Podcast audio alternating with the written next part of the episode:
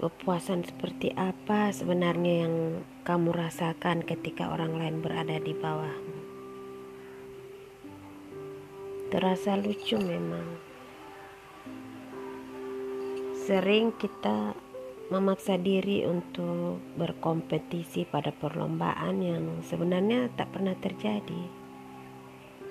Sibuk mencari lawan, membuat musuh, hingga mengejar-ngejar piala yang sebenarnya itu cuma hal yang fana.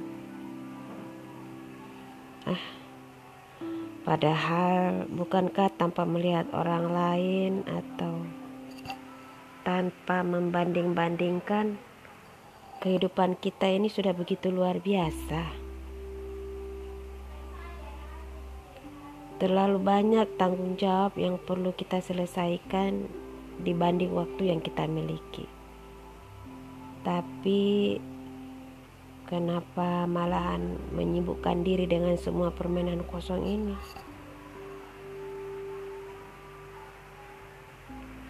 Kalaupun ada perasaan tertinggal, sebenarnya kita tertinggal dari mana? Terus apakah tujuannya juga sama? Jadi tenangkanlah kembali diri. Mungkin saja rasa letih, bingung, dan kekacauan kita selama ini adalah karena terlalu terobsesi pada tujuan-tujuan yang salah. Menaruh tujuan pada pencapaian orang lain atau berusaha menjadi lebih baik dari orang lain. Ingat,